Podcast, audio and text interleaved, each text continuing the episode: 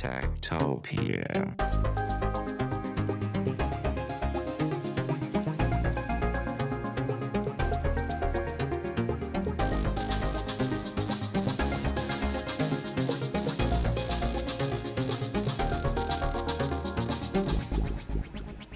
Tektopia er en podcast om mennesker og deres teknologi. Den er udgivet af Ingeniørforeningen Ida i samarbejde med Teknologiens Mediehus, støttet af idaforsikring.dk og de to konferencer EUT og HI-messen hos Herning Messecenter. Mit navn er Henrik Føns, og det er mig, der bestemmer i Tektopia. Tektopia.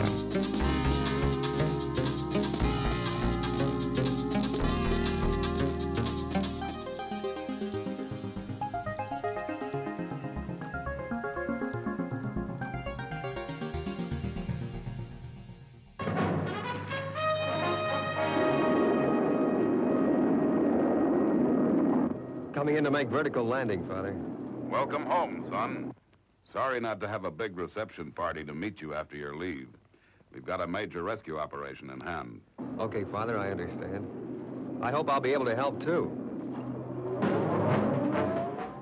Da jeg var en lille dreng i 1960'erne, der kørte der en tv-serie på øh, tv, sjovt nok, som hed Thunderbirds, som var sådan en britisk dukke-animations-tv-serie, der handlede om et øh, rescue team, sådan planetært rescue team.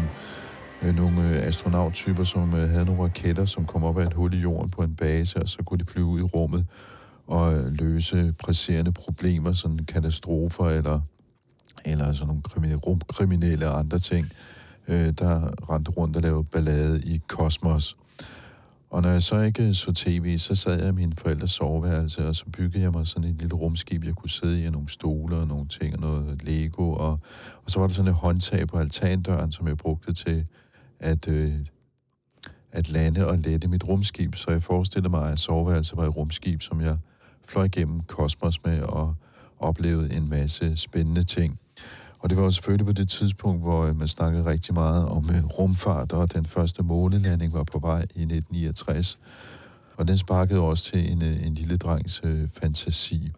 Måske ikke ulig det, der sker for mange mennesker, når de ser Andreas Mogensen flyve til øh, den internationale rumstation i de her dage.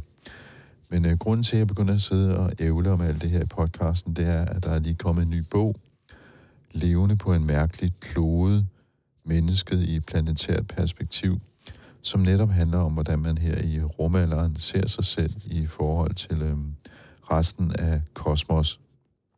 Bogen handler både om rumfart og om planeten som et økosystem og den øh, påvirkning, som vi mennesker har af planeten. Ikke på en dystopisk måde, men på en øh, mere håbefuld måde, som gør, at vi måske kan have en vision for fremtiden, som gør, at der også er plads til os øh, i en sammenhæng, hvor planeten overlever. Bogen er skrevet af Jakob Lillemose, der gennem de senere år har stået for en række udstillinger her i København, der handler om øh, mennesket i et planetært perspektiv.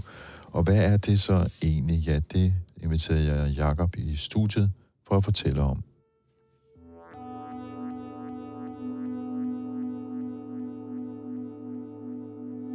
Ja, hvem er jeg? Øh, rent sådan øh, professionelt, så har jeg en øh, baggrund i øh, katastrofeforskningen. Øh, I den forstand, at jeg var tilknyttet et projekt på Københavns Universitet, der hed Changing Disasters, der kiggede på, hvordan katastrofer øh, forandrer samfund, men også hvordan øh, de nye samfund, vi bygger op, ændrer karaktererne af de katastrofer, vi, øh, vi er udfordret af. Og øh, projektets, øh, hvad hedder det, øh, ambition var at sige, at hvis vi skal kunne øh, håndtere de her katastrofer, som vi står overfor, så øh, bliver vi nødt til at øh, tænke tværfagligt. Så det var et projekt, der talte øh, forskere fra alle seks fakulteter på Københavns Universitet. Men når du siger katastrofer, er det så både, hvad skal man sige, naturkatastrofer og katastrofer, som kan være øh, atomkraftværker, der smelter ned, altså menneskeskabte katastrofer? Skovbrænde? Ja, det, er godt, det er et godt spørgsmål, fordi øh, i en vis forstand så opererede projektet egentlig slet ikke længere med begrebet naturkatastrofer. Øh, fordi at øh, en katastrofes karakter er kendetegnet af, hvordan vi som mennesker håndterer det. Man kan sige, at øh, et jordskælv er selvfølgelig ikke noget menneske, som umiddelbart selv har skabt, øh, men øh, katastrofen, som følger efter et jordskælv, øh, den øh, karakter er jo afhængig af, hvordan vi som samfund håndterer det. Øh, hvor, hvor har vi valgt at bosætte os, hvilke former for bosættelser har vi, hvilke forholdsregler har vi taget, osv. osv. Så, så øh, i den forstand øh, havde projektet slet ikke noget med naturkatastrofer at gøre, men at kigge på, hvordan vi som mennesker øh, både var ansvarlige for katastrofer, og hvordan vi øh, kunne øh, håndtere dem bedre. Så en slags overlevelsesstrategi, kan man sige. Ja, det kan man sige. Det er jo klart, fordi katastrofer jo øh, koster liv og så videre, og øh, i, i en, kan man sige, det, det vi beskæftigede os med der, var ikke de store wipeout scenarios, som øh, man kan se i en anden forskningsdisciplin, der hedder existential risk, der kigger på de helt store, øh, hvad hedder det, begivenheder, som en meteorned, øh, nedslag eller asteroide på kollisionskurs med, med jorden, eller øh, viruser, eller AI takeover.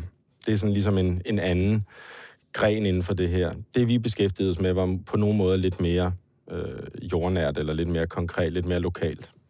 Og lidt mere håndterbart i, hvad skal man sige, hvis man snakker om størrelse af katastrofer? Ja, helt klart. Det var, det var nogle øh, konkrete situationer, mange øh, af os øh, kiggede på. Det kunne være de juridiske implikationer for jordskældene i, øh, i Italien, eller det kunne være øh, tørkescenarier ud fra et økonomisk perspektiv, eller det kunne være flodbølgerne i Sydøstasien i forhold til spredning af kolera, eller øh, hvordan at de kulturer, der i mange generationer havde været fiskerkultur, nu lige pludselig blev tvunget op i landet og omformet sig til at blive landbrugskultur. Sådan nogle ting.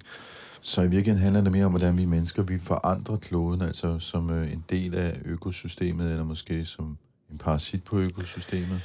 Nej, jeg synes ikke, vi skal sige, at vi er en parasit. Øh, det, ja, det ved jeg ikke, hvad, hvad der så vil ligge i det egentlig, men, men jeg tænker i hvert fald, det vigtigste er at erkende, at vi er en del af økosystemet. At, øh, at øh, selvom vi har den her fortælling om et moderne menneske, der på en eller anden måde bemestrer naturen, og i en vis forstand også står ude for den på, på afstand, så tror jeg, at tiden er kommet til, at vi tænker på os selv meget mere som en del af det økosystem, der er øh, overalt på jorden. Og det er altså det, der i virkeligheden er baggrunden for bogen her, som udkommer i de her dage? Det er i hvert fald en af de øh, grundlæggende sådan, erkendelser, som jeg øh, skriver mig igennem. Man kan ikke være med at tænke på, hvorfor det er en mærkelig klode. Ja, det, øh, det er et godt spørgsmål, øh, og det vil jeg selvfølgelig gerne svare på. hvad, hvad er det mærkelige ved vores klode? Ja, men det kan man sige, det mærkelige ved vores klode, hvis man skal sige det helt kort, det er jo, at øh, selvom vi øh, kender vores klode øh, rigtig godt, øh, og når du går ud af døren om morgenen, så er det jo ikke sådan, at alt, hvad du kigger på, det er sådan noget, hvor du tænker, gud, hvad er det? Men ikke desto mindre, så er der ret ofte, at vi støder på fænomener på den her klode, hvor vi tænker, gud, hvad, hvordan kan det være? Altså, hvad er det? Hvad er det, det betyder?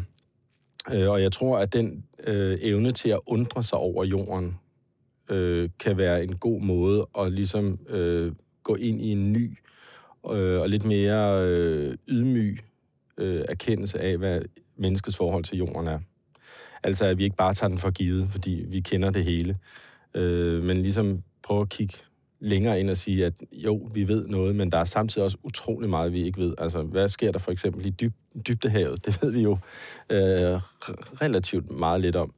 Eller faktisk ikke engang relativt meget lidt om. Det ved vi meget lidt om. Mm. Øh, og og den, den øh, evne til at undre sig og genopdage jorden til trods for, at vi har gjort så mange opdagelser på, på den her klode, synes jeg er en vigtig måde at, øh, at skabe en ny form for nysgerrighed over for kloden på, en ny form for øh, engagement over for, for vores klode, som øh, øh, forhåbentlig kan være med til at give os et, øh, skabe nogle nye visioner om, hvordan at vi kan leve på den her klode på en øh, måde, som ikke er på bekostning af alt det al den mangfoldighed af fantastisk liv, der er her.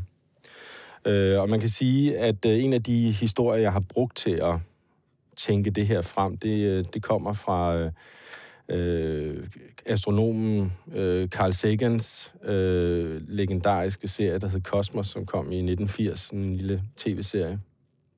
Og der, øh, der er der en, en åbningssekvens, hvor han, øh, hans, hans studie er lavet som sådan et øh, rumskib, sådan et, et minimalistisk rumskib, hvor han så flyver igennem hele universet.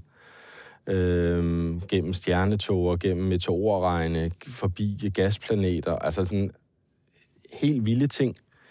Og så lander han så til sidst på, på jorden ude i sådan en, øh, et, et, et grønt område. Øh, og umiddelbart så vil man tænke, sådan tænker jeg i hvert fald også umiddelbart, gud, det er jo, øh, hvor er det kedeligt, efter at have været igennem sådan nogle vilde ting. Men, øh, men jo mere jeg tænkte over det, så var det faktisk det helt modsatte. Det var sådan en måde at genfortrylle øh, jorden på.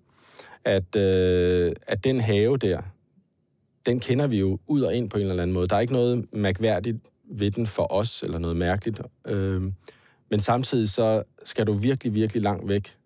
Vi ved ikke engang, hvor langt væk endnu for at finde noget, der er lige så fantastisk som, som den i, i, altså i universet på andre planeter.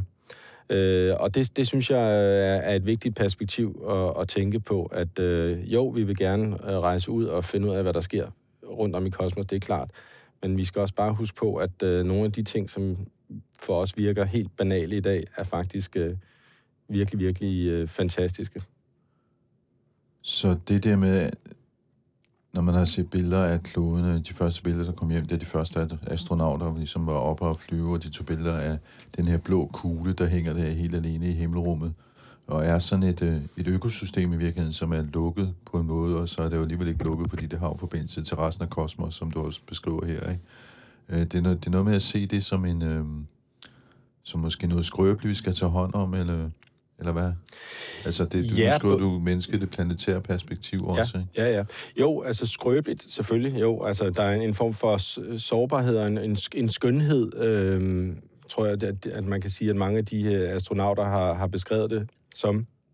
Øh, og det at se øh, jorden fra rummet er jo også en måde at se det velkendte på fra et andet perspektiv, som gør, at øh, man sætter pris på det på en, øh, på en ny måde.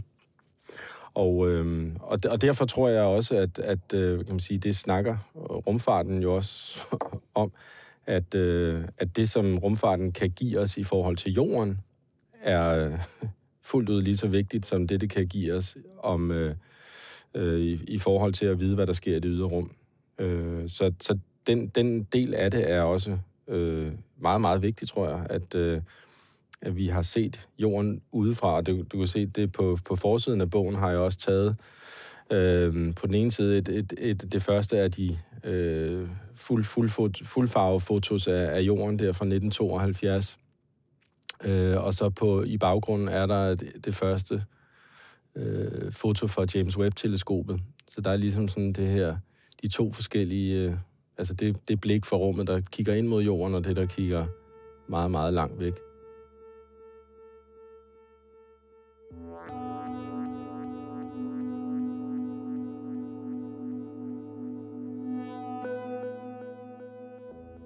Din underoverskrift her, mennesket i et planetært perspektiv, det handler så om at se sig selv i, hvad skal man sige, den større sammenhæng. Altså, vi har den blå klode, der svæver i rummet, som er et lukket økosystem, som kan være sårbart, men som også er den her, hvad skal man sige, unikke, det unikke sted i rummet, hvor der findes liv, og der findes os, og der findes en masse andre ting.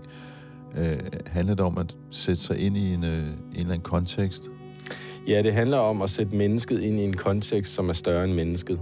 Og det kan man sige, det, øh, det har meget den øh, moderne fortælling, hvis man kan kalde det det, øh, arbejdet imod, og ligesom gjort mennesket til centrum for vores forståelse af vores rolle i verden. Og øh, den har selvfølgelig fået os øh, en masse steder hen, og den har givet os en, øh, nogle evner til at både at overleve, til at opfinde, til at gøre helt fantastiske, magiske ting. Øh, men øh, man begynder jo også at se på, at, øh, at nogle af de øh, moderne opfindelser, øh, hvad det så end er, om det er biler, eller om det er flyvere, eller øh, hvad hedder det, kulminedrift, whatever you have, øh, har nogle negative konsekvenser på den øh, klode, vi bebor. Så bogen er, er et forsøg på at, at give en form for... Øh, øh, modfortælling til det moderne menneskes selvcentrerethed og ligesom vende blikket ud af at sige, hvis vi skal fortsætte på den her planet, så bliver vi nødt til at forstå os selv som en meget mere integreret øh, del af de øh, livsprocesser, som, øh, som der er på jorden. Og det er ikke sagt for at, altså, med, med noget, øh, hvad skal man sige, hverken egentlig dystopisk eller, øh, eller sådan... Øh, hvad kan man sige, negativt øh, syn. Det er egentlig, at der, jeg tror også, at der findes faktisk øh, nogle øh, kæmpe potentialer for innovation i den erkendelse, øh, som øh, kan komme øh, os til, til gode. Så det er, ikke, det er egentlig ikke en, en, et argument for at, og, og, hvad hedder det, at, at træde tilbage og, og, og leve sådan mere primitivt øh, i, i, i pagt med naturen. Tværtimod er det at, at se på nogle, øh, nogle muligheder, vi bare ikke er blevet opmærksomme på. Og det er også der igen, at, at nysgerrigheden, der kommer af at kigge på verden som mærkelig, kan komme os til gode, fordi vi lige pludselig kan, kan få øje for nogle ting, som vi måske øh, ikke har fået øje på, fordi vi har været fokuseret på os selv som, øh, som kan man sige, kernen i, i fortællingen om jorden. Og det er så der, Carl Sagan kommer ind, og, og, og folk, som er inspireret af hans tænkning også? Ja, altså jeg synes, det Carl Sagan, han, han gør så godt øh, i, i, sin, i sin serie, og for så vidt også i nogle af sine øh, tekster, er, at han...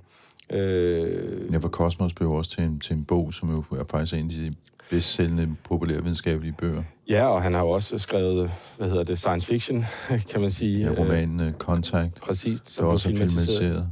Nemlig. Ja. Øh, det er, at... Øh, altså at, at forstå øh, den her øh, placerethed i kosmos, men samtidig også, øh, hvad hedder det, øh, være bevidst om, at det er på jorden, vi ligesom herhjemme. Det er på jorden, vi er skabt. Det er, øh, det vil være meget svært at bo på en anden planet. Det tror jeg, de fleste, der er, er involveret i rumfart, øh, vil give mig ret i. Øh, fordi at øh, den her krop, vi nu engang har, den øh, er øh, betinget af, af det miljø, der er på jorden, øh, tyngdekraft osv. Så, videre.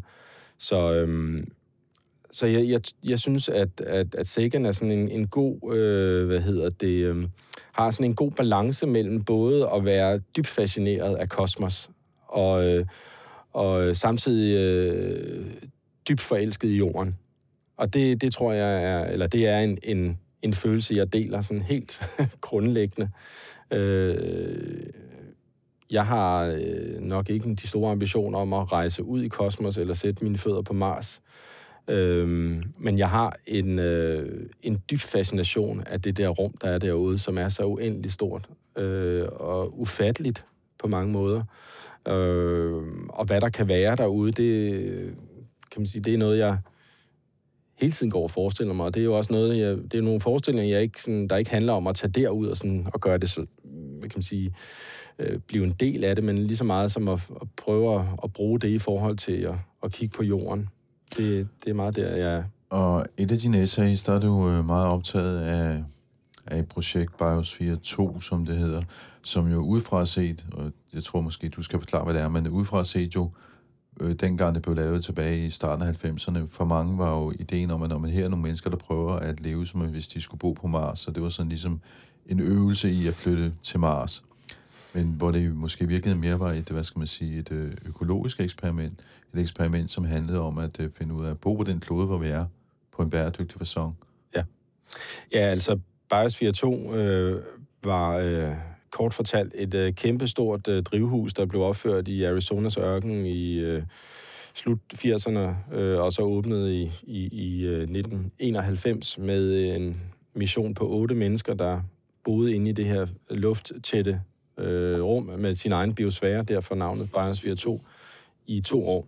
Og nu siger lufttæt rum, det var jo ikke bare et rum, der var jo, der var der jo var, et, et øh, ocean og... Regnskov og marskland og savanne og... Øh, Hav. Øh, hav var der også, ja. Øh, syv forskellige øh, bio, biotoper, inklusive et, et menneskeligt... Øh, et, et menneskeligt habitat, hvor at, øh, at de boede. Øh, og øh, det, der var med det projekt, det var, at øh, man ville, havde egentlig planer om, at det skulle vare 100 år. Og så ville man blive ved med at sende folk ind øh, hen over 100 år, og simpelthen opdyrke den, øh, bios, de biotoper, den, det liv, der var derinde hen over 100 år. Øh, det lykkedes desværre ikke på grund af nogle økonomiske, politiske øh, Men- kontroverser. Men hvorfor 100 år? Hvorfor så lang tid? Jamen simpelthen fordi, at øh, når du har øh, data over så lang tid, så har du lige pludselig nogle data, som du ikke vil have, al- nogen, kunne ikke få på nogen andre måder. Altså det at, at ligesom bare gøre det i 10 år, og så sige, så ganger vi bare med 10 for at få nogle resultater. Der var tanken at sige, at vi bliver nødt til at køre det over 100 år for at få nogle reelle øh, data. Og selvfølgelig også fordi, at hvis det her projekt ideen om, at Biosphere 2 en dag øh, blev sat på et rumskib og, og, og, og, fløjet ud i rummet, jamen, så nytter det jo ikke noget, at du kun har data til, øh, til 10 år, vel? Fordi du, at være 10 år ude i rummet, det er jo ligesom en, et, et opsonst projekt. Altså, så, så må du være der i hvert fald 100 år, tænker man, ikke? Så det var også en del af perspektivet. Så i virkeligheden, så var det en, en mini-udgave af jorden, som man skulle studere over rigtig lang tid, for Ja. at forstå, hvordan jorden fungerer, ja, og hvordan vi fungerer i samklang med den planet, vi bor på. Helt præcis. Ja, netop det sidste der er særlig ja. vigtigt, ikke? Hvordan at, øh, at vi øh, påvirker og, og indgår i, i, i projekter. Et af de øh, øh, citater, jeg har med i bogen fra Biosphere 2, er, øh, hvor at øh, en af de Biospherians, som de kaldte sig selv, som var inde i Biosphere 2, Mark Nelson, som jeg tror, hvis også du har haft på din podcast engang, Han har nemlig også været her, ja. Ja. Øh, han øh, beskriver, hvordan, hvordan det var at være inde i det testmodul, de lavede først, øh, for ligesom at finde ud af, om det her overhovedet kan fungere. Fordi der var ikke nogen, der havde gjort noget lignende rigtigt før. Ja, russerne havde forsøgt sig med noget i mindre skala, men ikke desto mindre så følte de, at de, de blev nødt til at lave et testmodul, øh, hvor at forskellige folk så var inde i mellem 24 og 72 timer ad gangen. Og Mark øh, fortæller i det citat, jeg har, har med i bogen, hvordan at da han kom ind i testmodulet, der gik der mellem øh, 10 og 20 minutter, så følte han en, øh, en, øh, en forbindelse til alt det liv, der var omkring ham, altså alle de planter og så videre, der, der ligesom var inde i testmodulet. Og det er jo sådan en, øh, hvad kan man sige, før intellektuel erkendelse af at være en del af et, øh, af et økosystem. Og, øh, og det var en, noget, jeg tænkte var meget, meget, en meget værdifuld erkendelse, og øh, som jeg øh, ville ønske, at man kunne øh, give mange flere mennesker, fordi jeg tror, øh, det, vil, øh, det vil gøre, at man vil forstå sin afhængighed af den her øh, klode, og det liv, der er på den her klode, øh, på et øh, dybere plan og på et nødvendigt plan i forhold til den måde, vi, vi behandler øh, kloden på i dag. Uh, altså, umiddelbart tænker jeg sådan helt fundamentalt, at jeg vil få klaustrofobi af at være lukket ind i sådan et rum der. Ja, altså nu, nu var det, så lille var det heller ikke. Det er i hvert fald større end den lille studie, vi sidder i her. Det skal vi også kun være i kort, i, i kort tid. Ja, ja, bevares, bevares. Nej, men, men, men jo, selvfølgelig, øh, øh, klaustrofobi er jo en, en, en del af, af, af, hvad kan man sige, det, den erfaring at, at, at være i et, i et lukket rum som rum, øh, eller som astronauter jo også øh, må, må, øh, hvad hedder det, dele med i den ene eller den anden forstand. Men jeg tror, at... Øh, at klaustrofobien i forhold til, til Biosphere 2 og så også til, til testmodulet var, at, at der var samtidig med en, en, en forbundethed, som gjorde, at man følte, at man på en eller anden måde var, var, var blevet større. Altså, at, at man var en del af et liv, øh, som øh, gjorde, at man ikke tænkte så meget over, at det her det var min lille krop i det her lukkede rum, men man faktisk følte, at, at ens krop, den, øh, den sivede ud og forbandt sig med, øh, med noget udenfor. Fordi man mere konkret kunne se den påvirkning, som ens krop havde, eller den Jamen, påvirkning, man kunne ikke, havde på en. mm, om man kunne se den, det, det tror jeg ikke, at at man ville kunne sige, men man kunne føle den, og det kan man sige, det kan jeg jo ikke sidde og, og, beskrive, det kan, kan Marks ord beskrive, ikke? Men, men simpelthen sådan en, øh, en, en, en helt sådan intuitiv fornemmelse af, at, øh, at den, det, jeg ånder, det har påvirkning på den her lille plante, og så videre. Og, og det var noget, de også tog med ind i, i, i Biosphere 2, øh, den her øh, forbundethed i, i, i den forstand, at øh, der kom jo selvfølgelig nogle kontroverser, som der altid gør i det her sådan socialt eksperiment, som det jo også var. Øh, men de, de havde en, øh, en, øh, en øh, pagt, eller hvad man skal sige, om, at man ikke måtte kompromittere økosystemet. Altså, du måtte ikke lade din vrede gå ud over økosystemet. Du må ikke brække en gren. Du måtte ikke øh, øh, på, på andre måder øh, gøre vold på økosystemet, fordi at man jo selvfølgelig så på den måde også gjorde vold mod sig selv. Mm. Men en meget sjov øh, anekdote måske at fortælle i den her sammenhæng i forhold til øh, den her forbindelse mellem øh, krop og, og økosystem, der var i Biosphere 2, var, at øh, de, øh, de havde svært ved at overleve fødevaremæssigt, eller overleve, kan man sige, men de var i hvert fald presset på, på næring. Øh, så de tabte en del af deres kropsvægt, øh, 20 procent samlet, hvilket er, er, er en ret stor del. Øh, men samtidig så, kan man, så er de 20 procent af vægt, de tabte, de fandtes jo stadigvæk inde i den her biosfære. De er jo ikke, altså, de er jo ikke forsvundet ud i den blå luft. Så de øh, lavede den her idé om, at der var sådan en, et 9. besætningsmedlem, øh, som var øh, konglomeratet af al den øh, kropsvægt, de havde, øh, havde tabt. Det var sådan en, en hvad skal man sige, øh, imaginær figur, øh, de, altså, som jo et eller andet sted også var konkret øh, til stede i en eller anden form. Øh, det synes jeg er et meget godt billede at tænke med i, i den sammenhæng her. Hvis man har det her læme, den tabte kropsvægt, som, som findes derude et eller andet sted uden for en selv, jeg tænker lidt, øh, det må vel være noget i den retning, som en astronaut også oplever, altså når de, hvad skal man sige, bliver vægtløse, og deres øh, muskler, de bliver, jeg ved ikke, om man kan sige, de bliver slappere, men altså, der, der sker jo et eller andet med kroppen, når man opholder sig i vægtløs tilstand i lang tid. Og hvis man skal til Mars, så må det vel være noget af den viden, man kan bruge. Ja, det ved jeg. Det, ja, måske. Øh, der er, der er mange ubekendte i forhold til at, at tage til Mars, og jeg skal ikke her, sidde her og kloge mig på, hvad, hvad, der, hvad der sker med kroppen. Men jeg er i hvert fald fascineret af den her idé om at tage op til en planet, der ligger så langt væk. Øh, og øh, ideen om at ligesom at tage en krop, der er skabt på den her planet, og så forsøge at få den til at eksistere på en anden planet. Øh, som jo, fordi den er påvirket af så mange ting, altså kosmisk stråling og selvfølgelig en, en anden tyngdekraft, øh, en anden atmosfære, øh, og hvor, hvor, hvor vild en tanke det egentlig er. Altså, Elon Musk får det til at lyde som om, at det er bare sådan et, et, øh, et, et teknologisk fix. Altså, så længe vi kan komme derop og så videre, så, så, så er det bare fint, ikke?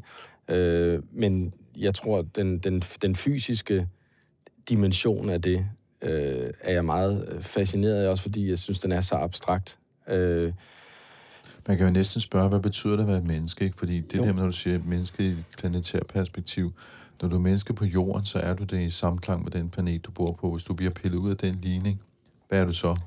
Jamen, det er nemlig fuldstændig rigtigt. Og, og til den udstilling, som jeg lavede i, sammen med Medicinsk Museum, der hed Verden er i dig, der, øh, der havde vi også en del, der handlede om, om, om rummet. Og, øh, og et af de øh, spørgsmål, vi stillede os i den, det var, øh, kan man få børn på Mars?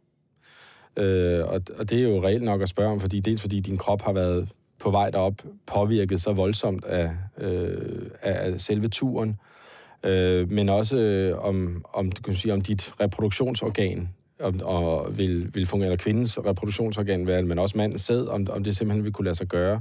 Og så kan man jo så spørge, hvis det nu kunne lade sig gøre, vil et menneske født på Mars være et menneske i den forstand, vi forstår det. Det ved, det ved vi jo simpelthen ikke noget om, fordi vi ved heller ikke, hvad det er for et, et menneske, der vil komme ud af sådan en, en, en graviditet. Vi ved heller ikke, hvordan sådan et menneske vil udvikle sig i de omgivelser. Nej, nej. Nej, til at forestille dig et menneske, som er, er født uden at have set jorden. Mm. Det, det, Ja, det er jo meget... Øh, altså, der er sikkert nogle øh, læger og, og, og rumfarts videnskabsfolk, der kan svare meget mere sådan, men måske, øh, kvalificeret måske... på det, men, ja, men som filosofisk problem, synes jeg, det er, er utrolig spændende at gøre sig den overvejelse i samme tid med, at vi, vi, vi, øh, vi forestiller os, at vi skal til, skal til Mars, og hvor lang tid skal vi så være der, og hvad vil perspektivet være? Fordi et eller andet sted, hvis man skal tage sådan en som Elon Musk, øh, vision for, for, for gode varer, jamen, så skal vi jo være der længere end bare øh, en, en, en turisttur. Altså, så er det jo noget med at, at, at bygge en eller anden form for civilisation op. Øh, og hvad er det for en civilisation? Altså, man kan vel næsten sammenligne et menneske født på Mars øh, med et øh, dyr født i fangenskab, som bliver sat ud i naturen og skal klare sig. Hvis man forestiller sig, at det her Mars-menneske kommer tilbage til jorden, altså der må være nogle problemer omkring virus og alt muligt andet. Ja, det er ikke, det er ikke en, helt, øh, en helt dårlig øh, sammenligning. Det, øh, ja, altså det, det, øh, det er jo igen noget, vi kan kun forestille os det nu. Altså det er derfor, at, man sige, at, at øh, hvem skal svare på det her lige nu? Rum, rumforskningen kan ikke svare på det. I, i hvert fald ikke 100 øh, procent, og det kan man sige, så kan fiktionen måske svare på det. Og der har vi selvfølgelig også haft en masse øh, inden for de seneste år øh, Mars-relaterede fiktioner. Øh, The Martian som en af dem, øh, med, med Matt Damon, at nu, ja, Andy Weirs øh, roman, som blev filmatiseret med Matt Damon i hovedrollen som den her astronaut, der er strandet på Mars og skal overleve på sin øh, hjemmelavede kartoffelmark. Øh, men jeg kommer til at tænke på Biosphere 2, som du også siger, jo skulle have kørt i 100 år. Så ville man vel også på et tidspunkt skulle være nået til det eksperiment, hvor der var nogen, der fik et barn derinde, og barnet skulle vokse op. Altså, så kan man så sige, at der er en masse måske moralske, etiske konsekvenser lige nøjagtigt. Den type forskning, ja. men det har man vel været nødt til. Ja, altså, det, det, det tror jeg også ville være, have været en del, en del af projektet. Øh, men, men det var ikke sådan noget, der var defineret fra start af, at, at det skulle ske efter 50 år eller så videre. Øh, fordi det var, så, øh, det var så eksperimenterende, at man ikke øh, ligesom vidste, hvor, hvor man ville stå. Altså, der var den, den mission på to år, de nåede at køre, og så en lille mission bagefter på et, cirka et halvt år, øh, var jo en eller anden form for øh, pilotprojekt i den forstand, at de kalib- øh, kalibrerede hele systemet, altså fandt ud af, hvad der var af, af fejl i forhold til at, at få det hele til at køre. Øh, fordi at de ikke simpelthen ikke vidste, om, om det kunne lade sig gøre, men det, men det kunne det. Øh, og øh, ja, Biosphere 2 står der stadigvæk øh, som, som bygning, øh, ikke som et lukket økosystem længere. Det har det ikke været siden øh, 93 94. Øh, øhm, men, men det står også stadigvæk som et, et, øh, for mig at se en helt vild vision om, hvordan vi kan tænke nye måder at være i verden på. Øh, og hvordan at ingeniørkunsten, nu sidder vi her i Ida, kan, kan være med til det. Det er jo en, en, en kæmpe bedrift. Altså, det var jo ikke, det var ikke sådan et, øh, et øh, simpelt landbrug. Det var en utrolig avanceret øh, konstruktion med masser af eksperter, der var inde og hjælpe med at få øh, de forskellige biostoper til at fungere, og indsamle mat, øh, kan sige, ja, materialer til de forskellige biostoper, og, øh, og helt konkret var det jo også et, øh, et drivhus, som, som havde en kæmpe teknosfære nedenunder. Altså, der var et, et, et gigantisk øh, teknisk apparat nedenunder, der fik det hele til at køre. Øh, så, så på den måde er det et, øh, et ret øh, smukt og konkret billede af, hvordan at natur og teknologi kan, kan kombineres øh, til at skabe nogle øh, planetære visioner. Men for lige at vende tilbage til det der med katastrofetænkningen, som vi startede i, og som du ligesom kom, kom ud af, da du begyndte på det her projekt. Øhm, det, du fortæller her med Biosphere 2, det er, jo, øhm, det er jo det modsatte af katastrofetænkning, kan man sige. Det er jo sådan en, hvad skal man sige, en næsten utopisk øh, vision om, at øh, vi kan leve i pagt med naturen, hvor hvis man kigger på øh, mange rumfartsprojekter og de idéer, som sådan en som Elon Musk kolporterer, så er det sådan en slags øh, redningsbåd. Vi skal væk fra en planet, der måske går under, så skal vi overleve et, et, et andet sted. Altså der er den der sådan dystopiske katastrofetænkning over det, at nu fucker vi det hele op her, så bliver vi nødt til at stikke af. Ja. Ja, den, den, den er jeg ikke med på. Øh, nej, nej, nej, det, var, det, det, det vel også det, det handler om, det der med det planetære perspektiv, og derfor du er inspireret af Biosphere 2. Ja, præcis. Mark Nelson, som vi lige har snakket om, øh, som var inde i Biosphere 2, han er, han er ingeniør, og øh, jeg har øh, beskæftiget, eller haft en, en tæt kontakt med ham over flere år. Og jeg tror, en af de ting, jeg har været fascineret af ved ham, det er, at selvom hans projekt, øh, og det projekt, som Biosphere 2 kommer ud af, det der hedder The Institute of Ecotechnics, har en, en form for økokritisk øh, udgangspunkt, så øh, handler det om at tænke økologi og teknologi, eller ingeniørkunst sammen øh, at mennesket er ikke, øh, hvad kan man sige, skal ikke skrives ud af løsningen eller ud af ligningen. Øh, vi har faktisk mulighed for at gøre nogle ting, som, øh, som øh, hvad kan man sige, øh, moderne mennesker.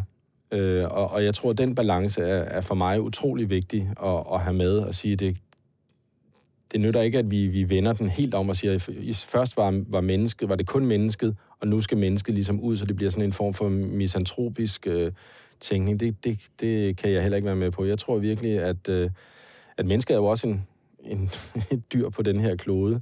Øh, og øh, jeg tror, det er, er vigtigt, at vi får øh, går den vej gennem mennesket i forståelsen af, hvordan vi kan gøre den her klode bedre, fordi jeg tror også på, at mennesket øh, har evnerne til at, at gøre det. Øh, det, det, det, vil, det vil være mærkeligt ikke at sige det, tror jeg.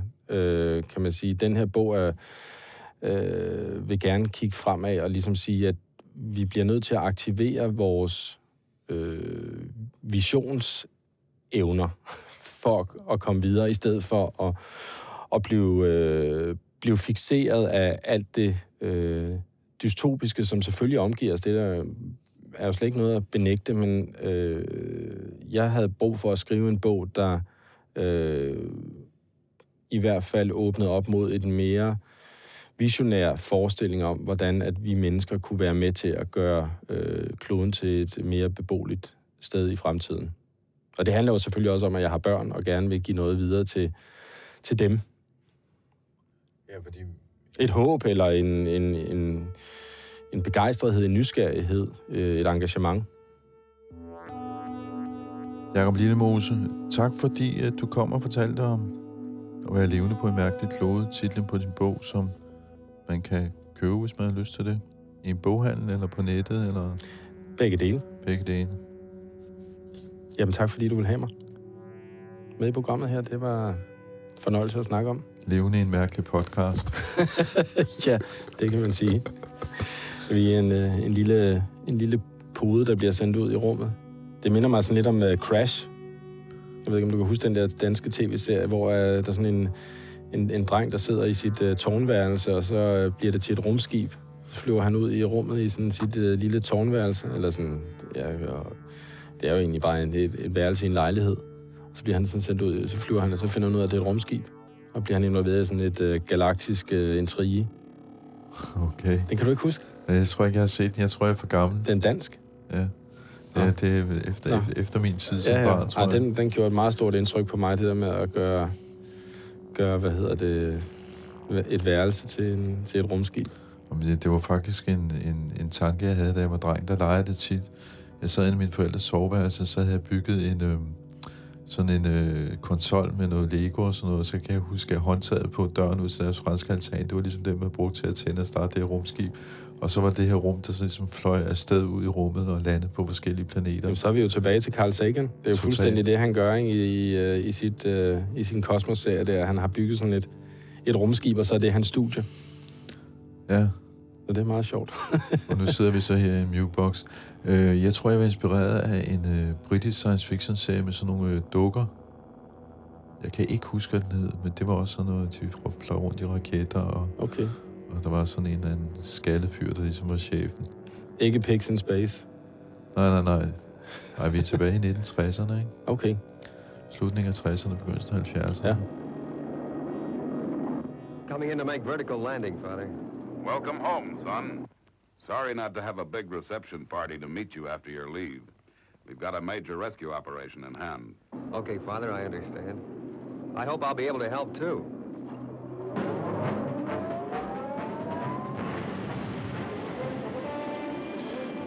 Lige nu og her, der skal vi have et podkort fra Ingeniørens podcast Transformator. GPT-4 kan nemt kopiere din stemme. Hør for eksempel her. Today I go from just Ashley to AI Ashley on Live 95.5. So let's see how close the AI sounds to me. Today I go from just Ashley to AI Ashley on Live 95.5. Let's see how close the AI sounds to me. Og stemmen kan nu bruges. I dette tilfælde en vært på en amerikansk radiostation i Oregon. Nu kan stemmen så sættes på som vært for et underholdningsprogram 5 timer dagligt. Også hvor der skal tales med lyttere, der har vundet for eksempel en billet. It's AI Ashley calling our first Taylor Swift winner. Hello? Hey there, Who's this? it's AI Ashley from Live 95.5. What's your name? This is Lisa. Hi Lisa, where are you from? Salem, Oregon. I denne uges Transformator ser vi på, hvad generativ AI er ved at gøre ved medierne, og hvad vi skal gøre for at undgå massiv misinformation og massedød blandt mediehuse. Og så skal vi lige finde en forklaring på, hvorfor elpriserne ser ud til at være faldet lidt mere til ro, end vi har været vant til. Lyt med i denne uges Transformator. Ja, og du har jo så lyttet til øh, Tektopia. Arkiv finder du på øh, tektopia.dk. Du kan også skrive til mig, henrik Du kan følge os på Twitter og på Instagram, der hedder vi snabelagtektopia.dk.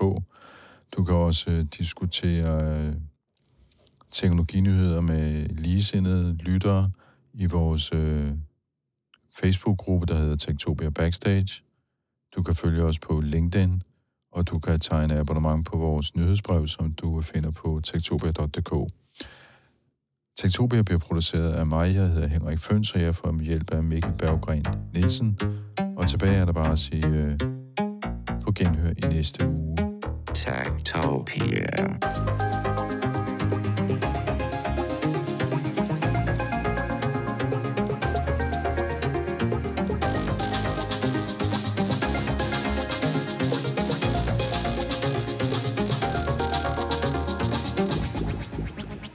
Tektopia er en podcast om mennesker og deres teknologi. Den er udgivet af Ingeniørforeningen Ida i samarbejde med Teknologiens Mediehus, støttet af Ida Forsikring.dk og de to konferencer EUT og HI-messen hos Herning Messecenter. Mit navn er Henrik Føns, og det er mig, der bestemmer i Tektopia. Tektopia.